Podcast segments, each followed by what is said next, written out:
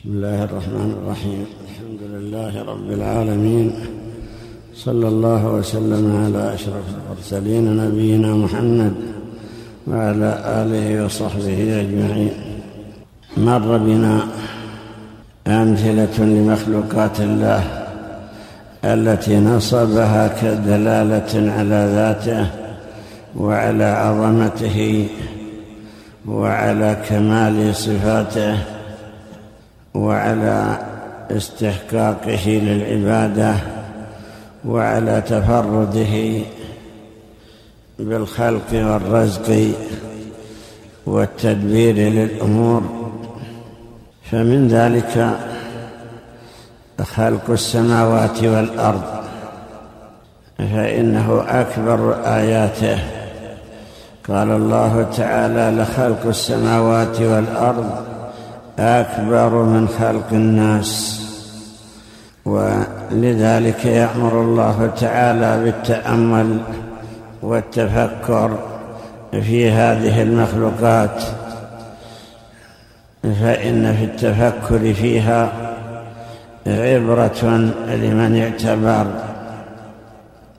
حيث أن هذه الأرض أرض واحدة من جملة الأراضين التي خلقها الله وخلق لها سكانا لا يعلم بعضهم ببعض. ثم إنه تعالى جعل فيها آيات وعبرا للمعتبرين. لو تأملوا وتفكروا فيها لعلموا عظمة من أوجدها وخلقها على هذه الهيئة التي هم عليها يتنقلون ويتقلبون. كذلك أخبر بأنه خلق هذه السماوات العلى ورفع سمكها فسواها وأغطش ليلها وأخرج ضحاها وجعل فيها شمسها وقمرها وأفلاكها. لا شك أن هذا أيضا من أكبر آياته. وقد أخبر تعالى بأن هذه السماء مع غلظها ومع كبرها تتشقق يوم القيامة.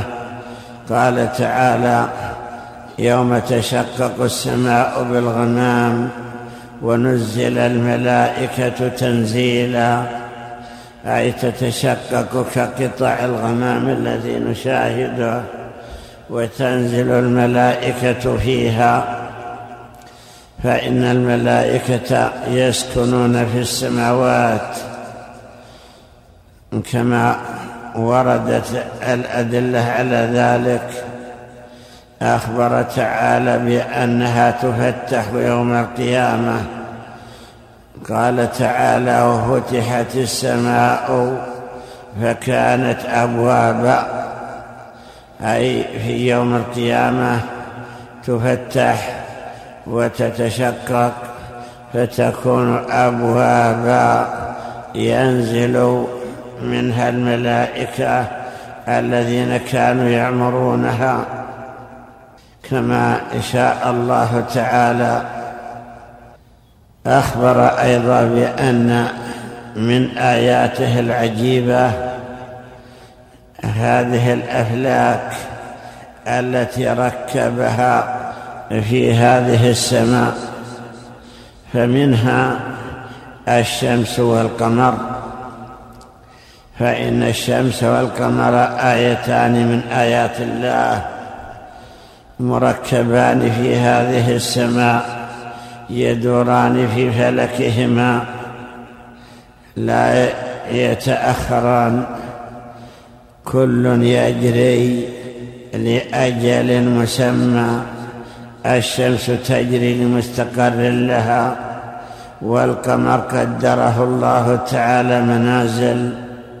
لا الشمس ينبغي لها أن تدرك القمر.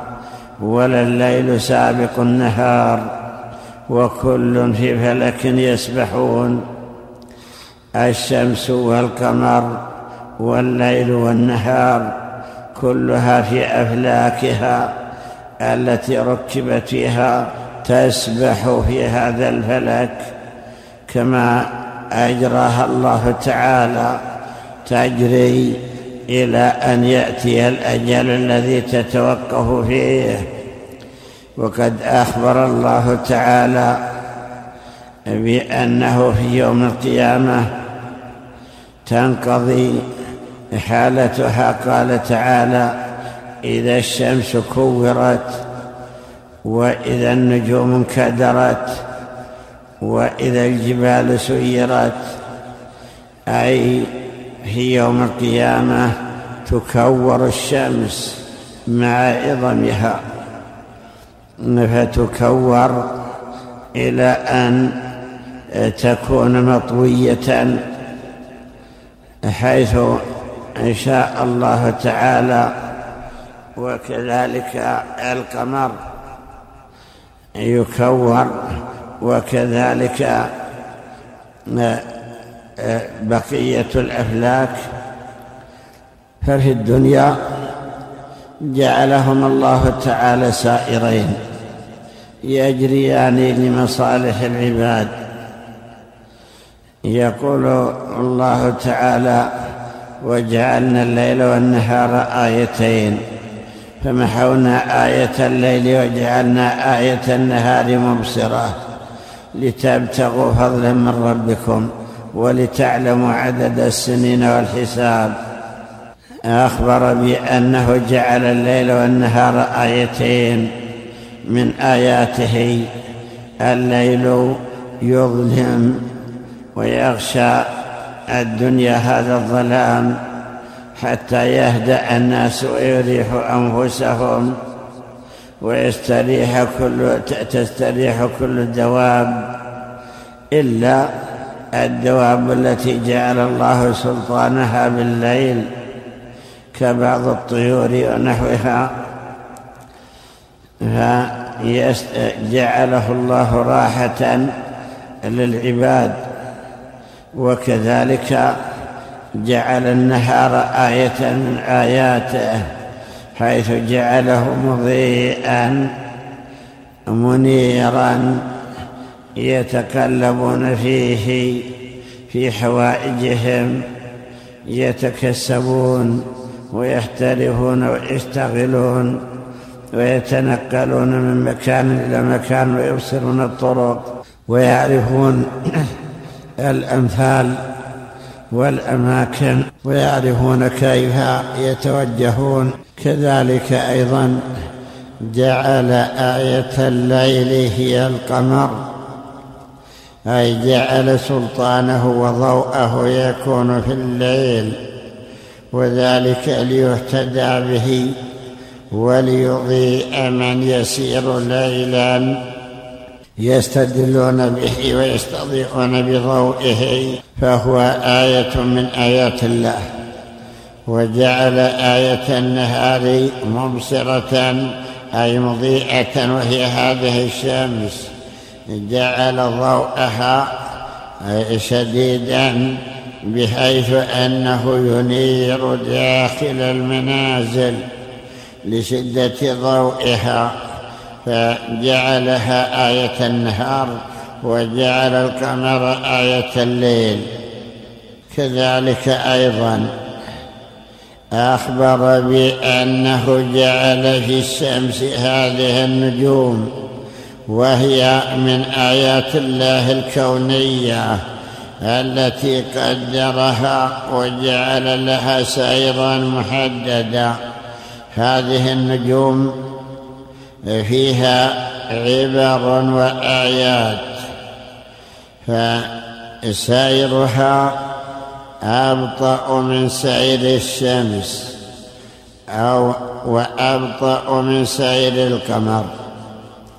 جعل الله سير القمر أبطأ من سير الشمس بحيث أنه يتأخر عن الشمس كل يوم نحو أربعين دقيقة أو قريبا منها حتى يدور في فلكه في الشهر دورة واحدة. كل يوم ينزل في منزله. وأما الكواكب التي هي النجوم فإن الله جعل سيرها أبطأ من سير القمر. فتأخر عن القمر حتى يكون قطعها لهذا الفلك في السنة الشمسية مرة واحدة. لا شك أن هذا من آيات الله. ومع ذلك فإن سيرها معتدل. جعل الله تعالى منها ما هو سائر ومنها ما هو ثابت. منها ما هو ثابت كالقطب الذي لا يتغير ولا يتحرك من مكانه إلا قليلا. ومنها ما سيره أسرع من سير الشمس ومنها ما لا يسير إلا قليلا كالخنس الجوال الكنس التي سيرها إنما يكون في آخر الليل تسرع في السير إلى أن تصل إلى قطع نصف المسافة ثم بعد ذلك تتراجع وتتأخر شيئا فشيئا إلى أن تختفي. هذا دليل على أن الذي يسيرها هو الذي أحكم كل شيء وأعطى كل شيء خلقه ثم هدى. وقد ذكر الله تعالى فوائد هذه النجوم. فقال تعالى وهو الذي جعل لكم النجوم لتهتدوا بها في ظلمات البر والبحر أي تستدلوا بها على الجهات التي تسيرون نحوها. وقال تعالى وعلامات وبالنجم هم يهتدون أي يستدلون به في الليلة الظلمة ويسيرون نحو الجهة التي يقصدونها. وكذلك أخبر بأنها رجوم للشياطين. قال تعالى ولقد زينا السماء الدنيا بمصابيح وجعلناها رجوما للشياطين. فهذه فوائد هذه النجوم. ولا شك أنها كما خلقها الله تعالى تعرف بها أيضا مواقيت السير مواقيت الشتاء والصيف ونحو ذلك. ثم إن كثيرا من السحرة والمشعوذين صاروا يستدلون بها على الأمور المغيبة وهذا من التدخل فيما لا يعنيهم. وقد جعل ذلك النبي صلى الله عليه وسلم من عمل السحرة.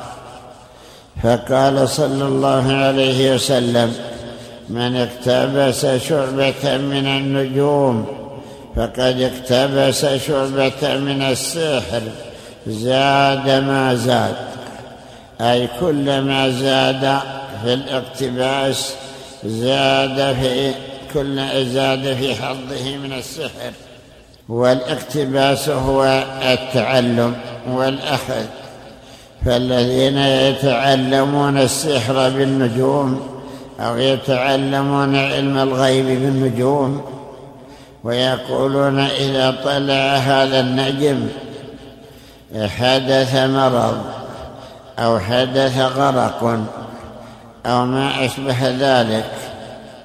هؤلاء من المنجمين يدخلون في هذا الوعيد. ورد أيضا أنه صلى الله عليه وسلم قال ثلاثة لا يكلمهم الله ولا يزكيهم ولهم عذاب أليم.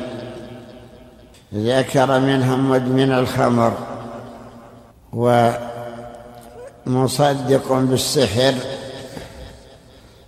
الذي منه هذه النجوم وقاطع الرحم.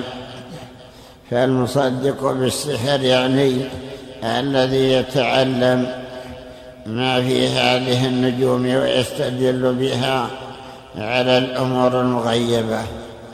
إنما هذه النجوم أفلاك مركبة فيها هذه الكواكب تسير كما يسيرها ربها وليست معبودة وليست دالة على أمر من الأمور المستقبلة. وأما الذين يتعلمون منها الأمور الغيبية فإنهم والحال هذا يتدخلون فيما لا يعنيهم. وقد كان من هؤلاء الكلدانيون الذين كان فيهم إبراهيم عليه السلام كانوا يستدلون بالنجوم على الأمور المستقبله ولذلك حاكاهم إبراهيم حتى يتركوه. قال تعالى فنظر نظرة في النجوم. فقال إني سقيم. كأنه أراد أن يتركوه حتى يحطم آلهتهم.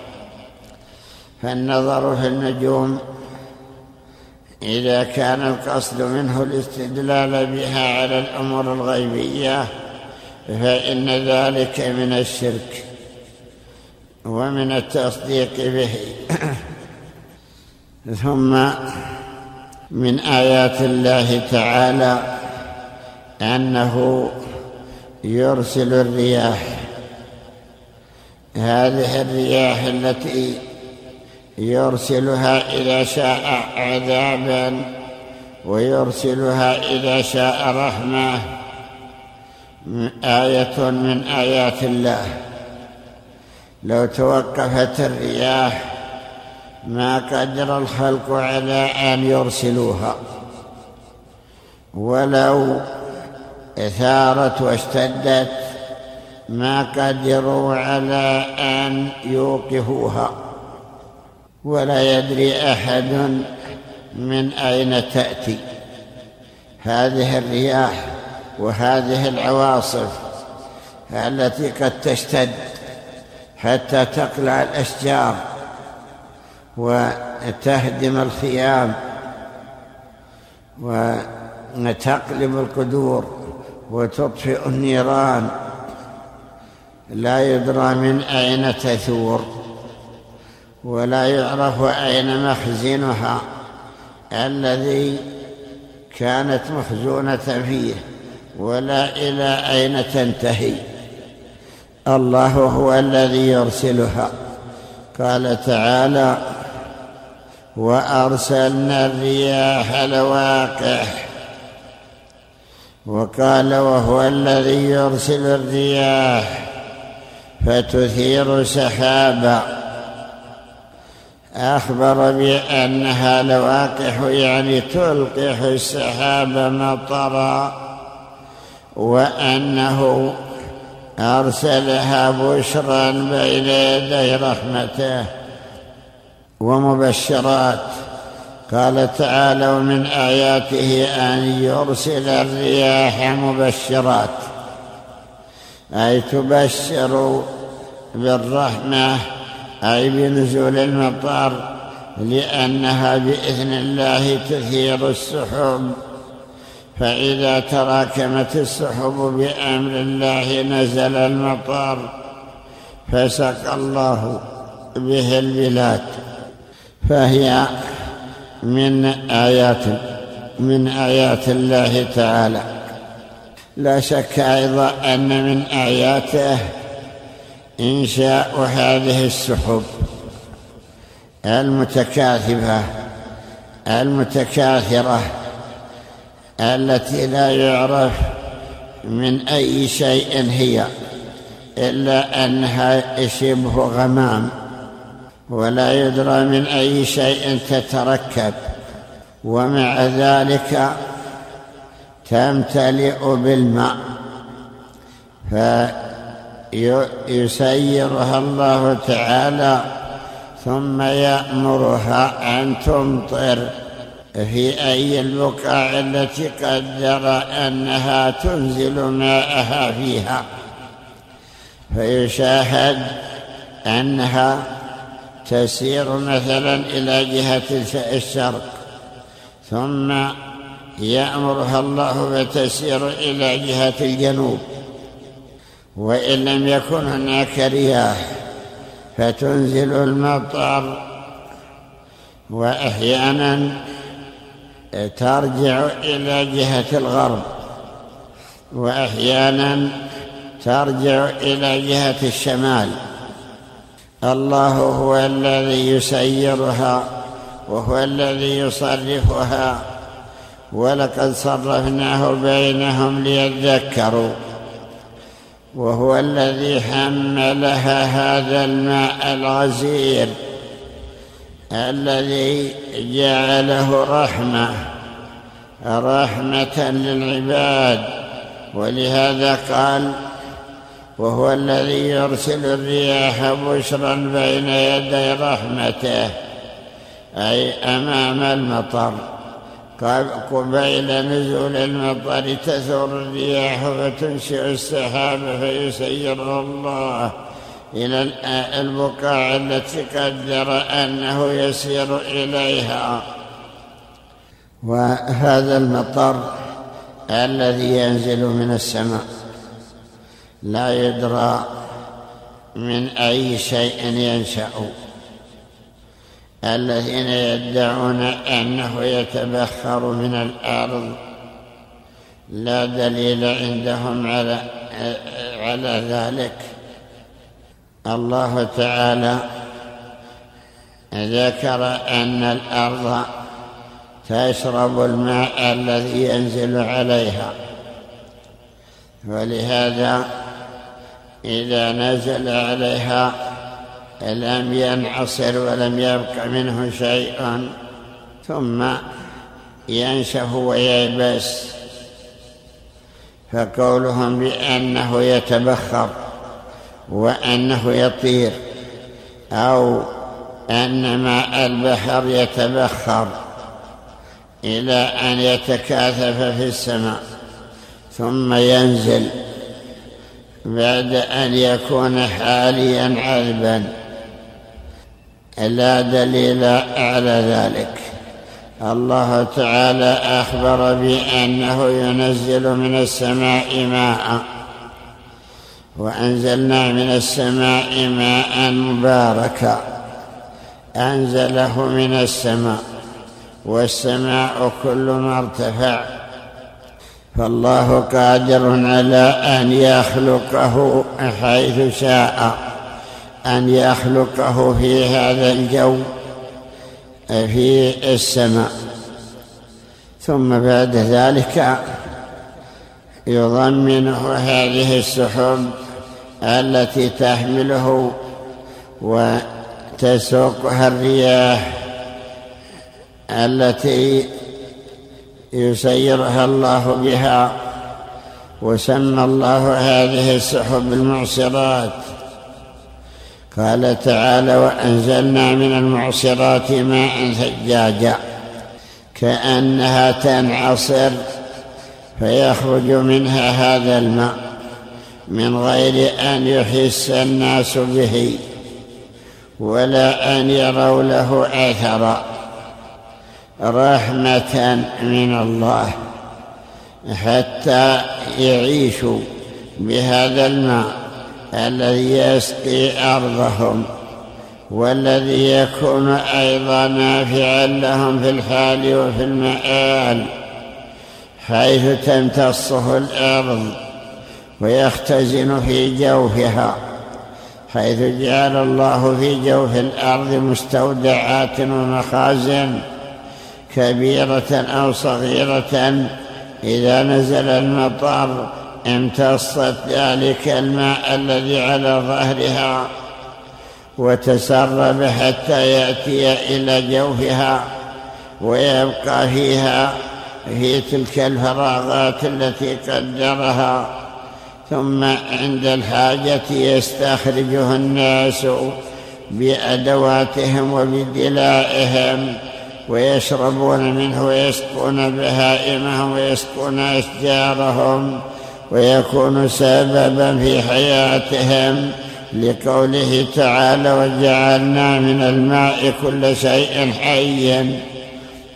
فكل ذلك من آيات الله الكونية التي يستدل بها على عظمته فمن تفكر في ذلك وعرف وعرف هذه الآيات اعتبر بها وأخذ منها قوة دالة على عظمة من أنشأ ذلك وكونه وجعله على هذه المنفعة.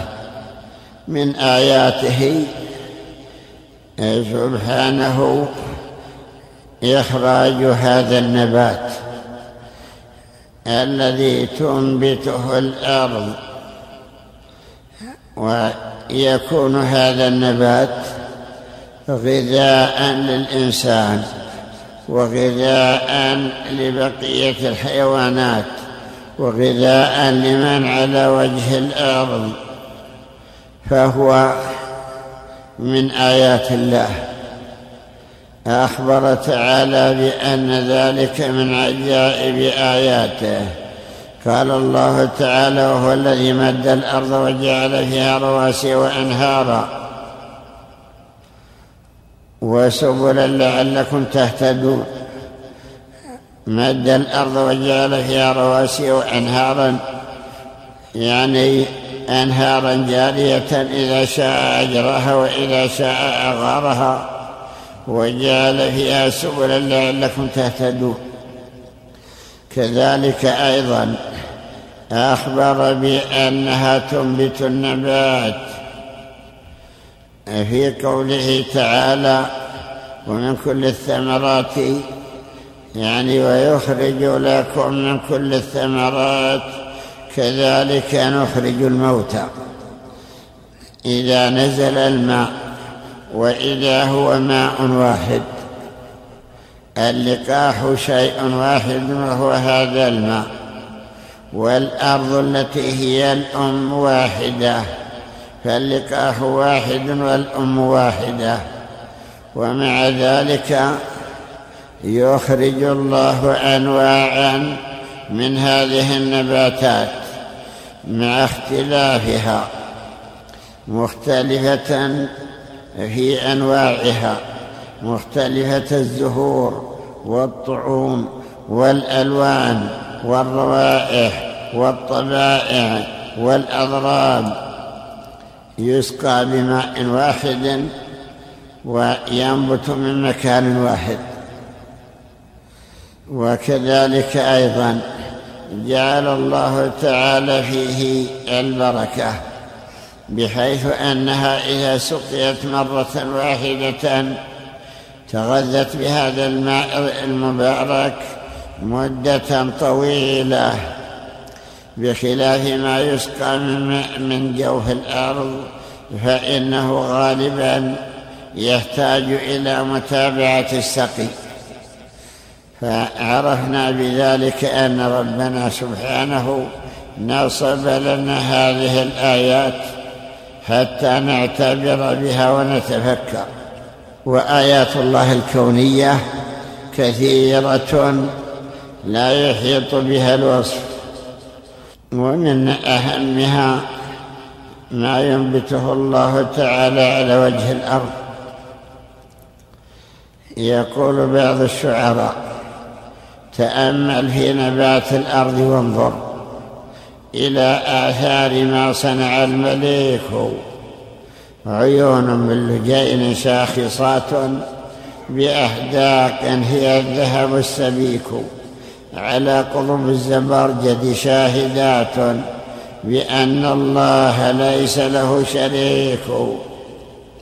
يمثل النباتات التي تنبت على الأرض. والتي لها عيون. عيونها هو هذا الزهر وهذا النور وأن تلك العيون كأنها من لجين أي من ذهب وأنها شاخصات أي أنها مفتحة. العين الشاخصة هي التي تنفتح وتقابل من ينظر إليها وأنها على قضب الزبرجد. قضبها أي سيقانها وأغصانها التي تعتمد عليها شبهها بأنها من زبرجد. يعني آه، نوع من المعادن الثمينة التي تستخرج من البحار. تشهد بأن الله تعالى ليس له شريك.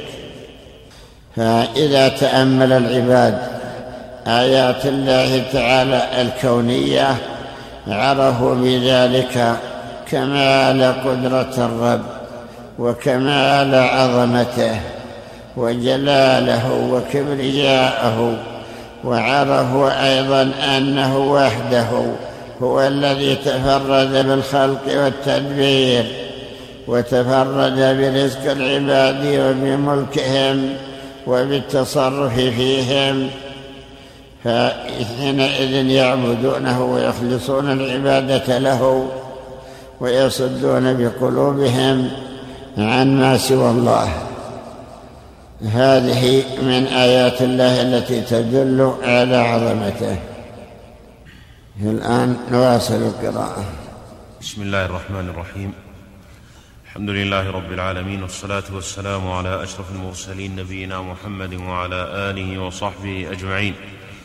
قال رحمه الله تعالى في صفة الرعد والبرق قال حدثنا إسحاق بن أحمد الفارسي قال حدثنا ابن أبي سريج قال حدثنا أبو أحمد قال حدثنا عبد الله بن الوليد عن بكير بن شهاب عن سعيد بن جبير عن ابن عباس رضي الله عنهما قال أقبلت يهود إلى النبي صلى الله عليه وسلم فقالوا يا أبا القاسم إنا نسألك عن خمسة أشياء فإن, أنبأ فإن أنبأتهن فعرفنا أنك نبي واتبعناك. قالوا فأخبرنا عن فأخبرنا عن الرعد ما هو؟ قال ملك من الملائكة موكل بالسحاب معه مخاريق من نار ليسوق بها السحاب. ليسوق بها السحاب حيث شاء الله. قالوا فما الصوت الذي نسمع فيه؟ قال زجره السحاب. إذا زجره حتى ينتهي إلى حيث أمر. قالوا صدقت. قال حدثني خليل بن أبي رافع. قال حدثنا جدي. قال حدثنا محمد بن يزيد عن جويبر عن الضحاك رحمه الله تعالى. ويسبح الرعد بحمده. قال ملك يسمى الرعد وصوته الذي تسمع تسبيحه. قال حدثنا إبراهيم قال حدثنا الأشج قال حدثنا أبو نعيم قال حدثنا سفيان. عن سلمة بن كهيل عن ابن شاشوى عن ربيعة بن الأبيض عن علي رضي الله عنه قال البرق مخاريق الملائكة. قال حدثنا الوليد قال حدثنا عمرو بن سعيد. قال حدثنا إسحاق قال حدثنا عمرو بن محمد عن قال حدثنا أسباط عن السدي عن بشير بن أبي ميمونة قال سمعت علي رضي الله عنه سئل عن البرق فقال مخاريق من نار بأيدي ملائكة السحاب يزجرون به السحاب. قال حدثنا الوليد قال حدثنا إسحاق بن إبراهيم قال حدثنا أبو نعيم قال حدثنا بشير. يعني ابن سليمان قال حدثنا أبو كثير قال كنت عند أبي الجلد فجاء رسول الله فجاء رسول ابن عباس رضي الله عنهما بكتاب إليه فكتب إليه كتبت تسأل عن الرعد والبرق فالرعد الريح والبرق الماء. قال حدثنا محمد بن زكريا قال حدثنا أبو حذيفة قال حدثنا سفيان الثوري. رحمه الله تعالى في قوله تعالى يريكم البرق خوفا وطمعا. قال خوف للمسافر وطمع للمقيم. قال حدثنا إبراهيم بن محمد بن الحسن قال حدثنا ابن أبي الشوارب قال حدثنا أبو عوانة عن موسى عن موسى البزار. عن شهر بن حوشب عن ابن عباس رضي الله عنهما قال الرعد ملك يسوق السحاب بالتسبيح كما يسوق الحادي الإبل بحدائه. قال حدثنا الوليد قال حدثنا الحسين بن علي قال قرئ على عامر عن أسباط. قال قرئ على عامر عن أسباط. عن السدي رحمه الله تعالى ويسبح الرعد بحمده والملائكة من خيفته. والرعد هو ملك يقال له الرعد يسيره بأمره بما يريد أن يمطر. قال حدثنا أحمد بن محمد بن سيد قال حدثنا الحسين بن عبد المؤمن قال حدثنا يعقوب بن إسحاق الحضرمي قال حدثني حرب بن شداد قال سمعت شهر بن حوشب رحمه الله تعالى يقول الرعد ملك موكل بالسحاب يسوقه كما يسوق الحادي الإبل. فإذا خالفت سحابة صاح بها فإذا اشتد غضبه تناثرت من فيه النيران. وهي الصواعق التي رأيتم. قال حدثنا أحمد بن عمر. قال حدثنا عبد الله قال حدثني الحسين بن الأسود قال حدثنا أبو سامة عن عبد الملك بن الحسين عن السدي عن أبي مالك عن ابن عباس رضي الله عنهما قال الرعد ملك يحدو يزجر السحاب بالتسبيح والتكبير. قال حدثنا أحمد بن عمر قال حدثنا عبد الله قال حدثنا أبو سلمة الباهلي قال حدثنا معتمر. عن أبيه عن أبي عمران الجوني قال إن دون العرش بحورا من نار تقع منها الصواعق. قال حدثنا أحمد بن عمر قال حدثنا عبد الله قال حدثنا أبو بكر بن أبي طالب قال حدثنا علي بن عاصم عن جويبر عن الضحاك عن ابن عباس رضي الله عنهما قال البرق ملك يتراءى. قال حدثنا أحمد قال حدثنا عبد الله قال حدثني إبراهيم بن راشد قال حدثنا أبو ربيعة قال حدثنا حماد عن عبد المجد عن عبد الجليل بن عطية عن شهر بن حوشب رحمه الله تعالى. قال قال كعب رحمه الله تعالى الرعد ملك يزجر السحاب زجر الرعد الحثيث الحثيث. زجر الراعي الحثيث الإبل فيضم ما شد منه والبرق تصفيق الملك للبر للبرق وأشار حماد بيده لو ظهر لأهل الأرض لصعقوا. قال حدثنا أحمد بن عمر قال حدثنا عبد الله قال حدثنا أبو كريب قال حدثنا ابن فضيل عن عطاء بن السائب عن عامر قال أرسل ابن عباس رضي الله عنهما إلى أبي الجلد يسأل عن السماء من أي شيء هو وعن البرق والصاعق. فقال أما السماء فإنها من ماء مكفوف وأما البرق فهو تلألؤ الماء وأما الصواعق فمخاريق يزجر بها السحاب.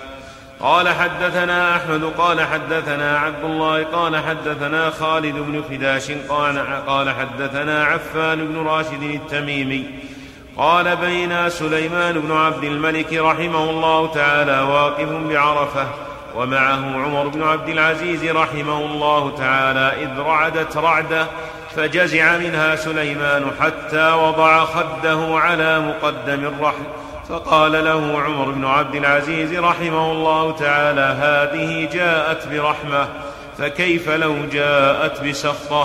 قال حدثنا أحمد قال حدثنا عبد الله قال حدثني أبو عبد الرحمن محمد بن الربيع الأسدي قال حدثنا أبو بكر بن عياش عن العدري قال بينما عمر بن عبد العزيز رحمه الله تعالى بعرفة إذ صعقت رعدة ثم برقت ثم أرخت أمثال العزالي قال فرفع سليمان رأسه إلى عمر بن عبد العزيز رحمه الله تعالى فقال هذا والله السلطان. فقال له عمر يا أمير المؤمنين إنما سمعت حس الرحمة فكيف لو سمعت حس العذاب؟ قال فأبلغ والله في الموعظة. قال أخبرنا أبو يعلى قال حدثنا نعيم بن الهيصم قال حدثنا عبد الواحد بن زياد عن الحجاج بن أرطأة قال حدثني أبو مطر أنه سمع رسالم بن عبد الله يحدث عن أبيه قال كان رسول الله صلى الله عليه وسلم إذا سمع الرعد والصواعق قال اللهم لا تقتلنا بغضبك ولا تهلكنا بعذابك وعافنا قبل ذلك.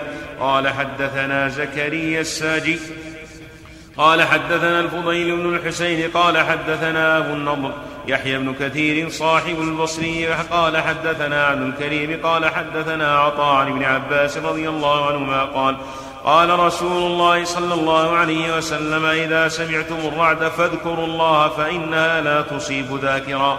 قال حدثنا أبو بكر بن معدان قال حدثنا أبو عمير قال حدثنا أشهب عن مالك عن عامر بن عبد الله بن الزبير عن أبيه أنه كان إذا سمع الرعد قطع الحديث وقال هذا وعيد لأهل الأرض قال حدثنا الوليد قال حدثنا يحيى بن عبدك يحيى بن عبدك فيما ابن عبدك فيما قرأت عليه قلت حدثكم المقرئ قال حدثنا محمد بن راشد عن سليمان بن علي عن أبيه عن جده بن عباس رضي الله عنهما قال كنا مع عمر بن الخطاب رضي الله عنه في سفر فأصابنا رعد وبرق فقلنا فقال لنا كعب رحمه الله تعالى من قال حين يسمع الرعد.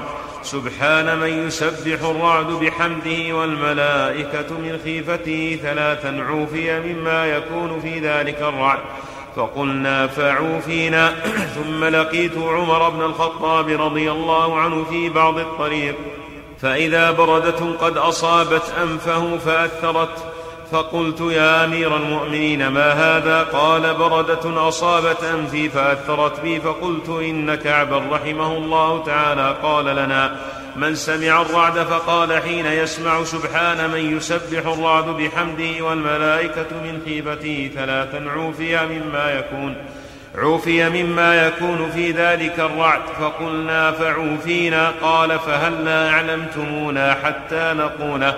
قال حدثنا الوليد قال حدثنا أبو الربيع قال حدثنا هشام بن عمار قال حدثنا صدقة بن خالد قال حدثنا ابن جابر عن عبد الله بن أبي زكريا قال بلغني أنه من سمع الرعد فقال سبحان الله وبحمده لم تصبه صاعقة. قال حدثنا إبراهيم بن محمد بن الحسن قال حدثنا يونس بن عبد الأعلى قال حدثنا سفيان بن عيينة عن عبد الكريم بن أبي أمية رحمه الله تعالى قال يستحب القول إذا صعقت الصاعقة اللهم لا تقتلنا بغضبك ولا تهلكنا بعذابك وعافنا قبل ذلك.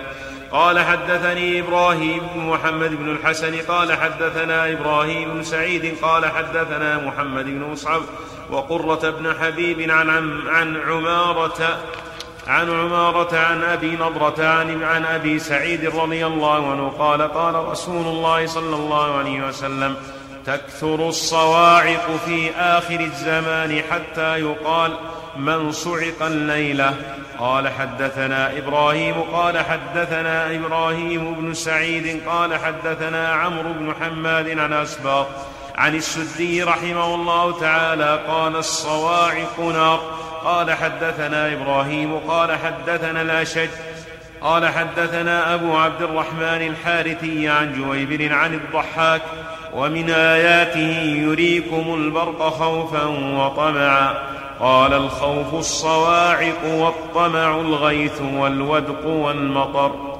هذه الآثار تتكلم عن الرعد والبرق والصواعق. قد ذكر الله ذلك في القرآن. قال تعالى أو كصيب من السماء فيه ظلمات ورعد وبرق. فذكر الظلمات التي تكون من آثار من آثار الصيب الذي هو السحب المتكاثبة ورعد وبرق. جعل ذلك مثلا للمنافقين. أخبر بأنه مثل منطبق عليهم أن مثلهم كمن هو في ظلمات وفي صيب يعني سحب متكاثفة وفيها رعد وبرق وهم متحيرون في هذه الظلمات. إذا برق البرق مشوا ساعة مشوا قدما مشوا خطوة وإذا انطفأ البرق توقفوا لا يدرون ما أمامهم. فهذا البرق يضيء إضاءة ظاهرة قوية ولا يدرى ما هذه الإضاءة. وهذا الرعد له صوت شديد بحيث أنه يقلق أو يوقظ من كان نائما ويشتد الخوف منه. عندما يكون فيه صوت شديد. أما الصواعق فإنها شهب تنزل من هذا السحاب ثم آه، تحرق إن شاء الله تعالى. قال تعالى وهو الذي يرسل ويرسل الصواعق فيصيب بها من يشاء. وهم يجادلون في الله وهو شديد المحال لما ذكر أنه ذكر الرعد قال ويسبح الرعد بحمده والملائكة من خيفته أي يسبحون. الرعد يسبح مع كونه جمادا لا ندري ما هو ولكن داخل في كل شيء وإن من شيء إلا يسبح بحمده. فأخبر بأنه يسبح بحمده والملائكة من خيفته أي يسبح يسبحون خوفا من الله. وأنه يرسل الصواعق فيصيب بها من يشاء. إذا أصابت فإنها تخرق من أصابته وتحرقه كما هو مشاهد ولا يدرى ما هي إلا أنها شيء من الشعوب الحادة وقد تنزل على الإنسان فتشقه نصفين ومع ذلك تنغرس في الأرض. قد يحفرون عنها ويجدونها كشبه حديدة كهربائية قوية يرسلها الله تعالى ولا يدرى من أين تأتي. وفي آية أخرى يقول الله تعالى وينزل من السماء من جبال فيها من برد فيصيب به من يشاء ويصرفه عن من يشاء يكاد سنا برقه يذهب بالأبصار. جاء أخبر بأنه يرسل هذه ينشئ هذه السحب حتى تكون كأنها جبال كأن السحاب المتكاثف جبل ينزل من السماء من جبال فيها من برد أي يشتمل ذلك السحب على برد كبير أو صغير أحيانا يكون كبيرا حتى يكون كرأس البعير وأحيانا يكون صغيرا حتى يكون كبعر الغنم أو بعض البهم صغيرا وأحيانا ينزل المطر متجمدا. ينزل جامدا كما هو مشاهد في كثير من البلاد الباردة. إذا نزل تجمد على وجه الأرض من شدة البرد فيتراكم على الأرض ويبقى مدة شهرا أو أشهرا وهو ثلوج على وجه الأرض. وقد يكون هناك جبال من ثلوج كما هو مشاهد.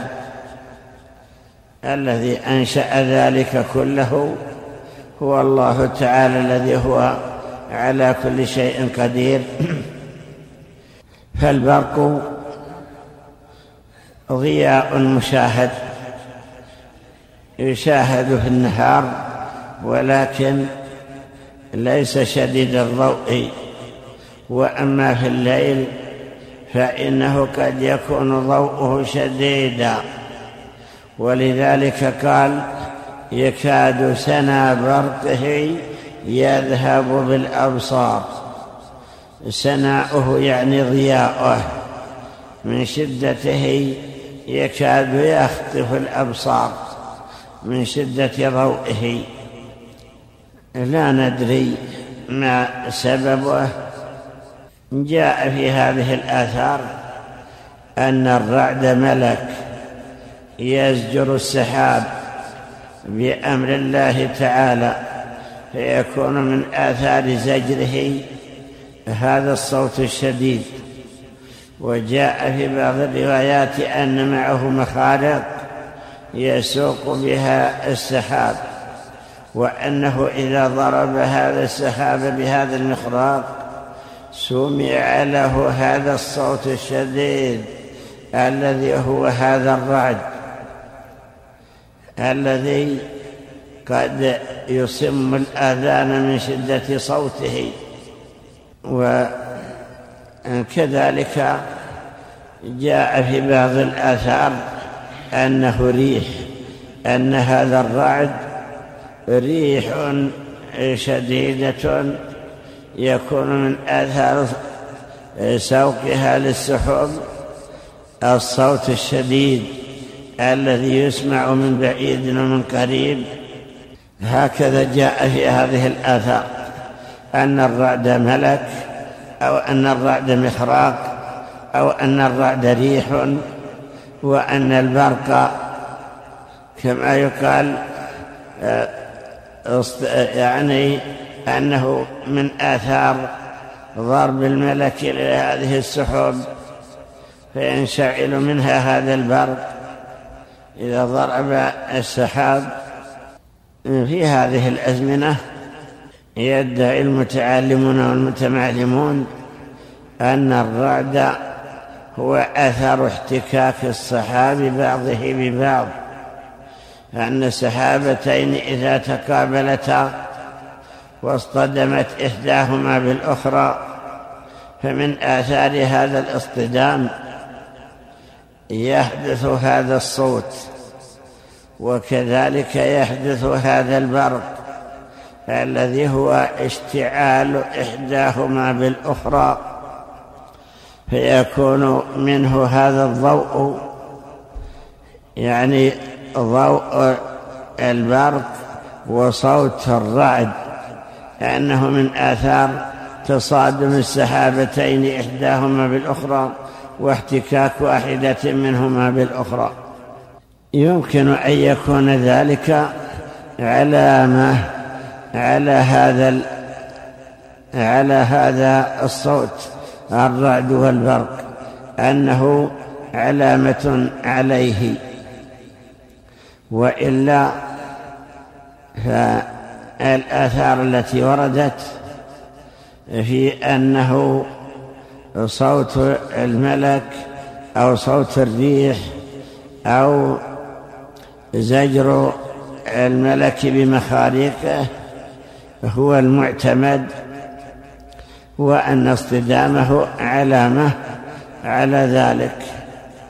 يشاهد الذين يركبون الطائرات في الجو أن السحب تكون فوقهم. وتكون تحتهم. وقد تخرقها الطائرة. تكون مع وسط السحابة المتراكمة المتكاثبة التي هي كالجبل. ولا تحس الطائرة بشيء إنما هو غمام بعضه إلى بعض ولا يحسون بشيء من الرطوبة التي تنزل من, من هذا المطر. وإذا اصطدموا اصطدمت الطائرة بهذه السحب لم يظهر لها صوت مع شدة سيرها لا يظهر لها هذا الصوت الذي هو صوت الرعد مع أنها تخرقها بسرعة وتصطدم فيها وتشاهد يشاهدون أيضا أن السحابتين يتقابلان وتلتصق إحداهما بالأخرى ولا يسمع ذلك الصوت إنما يسمع يسمعه أهل الأرض. فعرف بذلك أن ما يقوله هؤلاء ليس مطابقا للواقع في كل حال بل الأمر أخفى عليهم من ذلك.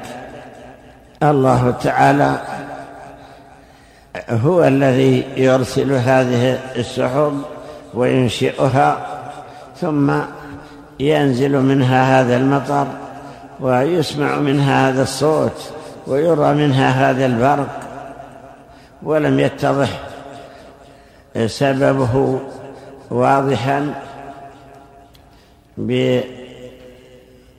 بمشاهدة كالذين يشاهدون سيره فوقهم أو تحتهم أو من فوقهم. وكذلك أيضا إذا خرقوا هذه السحب بهذه الطائرات لا يشاهدون أنها تتفرق وأنها تتبدد بل هي كما هي. يخرقها الطيارون ولا يحسون بأنها تفرقت ثم اجتمعت بعد ذلك. دليل على أنها تسير كما يشاء الله تعالى إلى أن يأتي أو تأتي على المكان الذي قدر الله أنها تنزل فيه أو تنزل فيه ماءها الذي تحمله. لا شك أيضا أن آيات الله تعالى عظيمة وأن الإنسان عليه أن يعتبر بما يراه من هذه الآيات الكونية وعليه أن يتفكر فيها. فنقول مثلا إن إن هذه الصواعق كما ذكرها الذين عثروا عليها بعدما حفروها أنها مثل قطعه الحديد الكهربائية التي لها لمعان ثم إذا نزلت خرقت ما أتت عليه.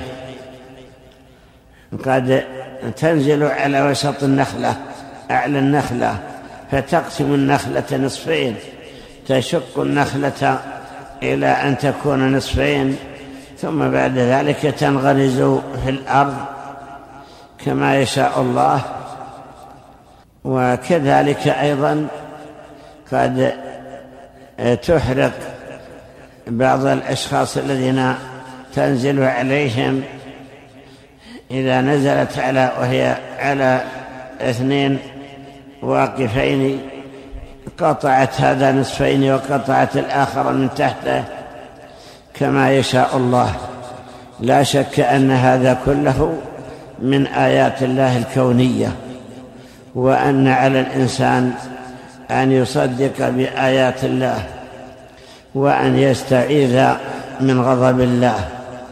فإذا سمعنا الرعد نسبح كما تسبح الملائكة فنقول سبحان من يسبح الرعد بحمده والملائكة من خيفته. لأن الله أخبر بأن الرعد يسبح. فنحن نسبح الذي يسبح الرعد بحمده.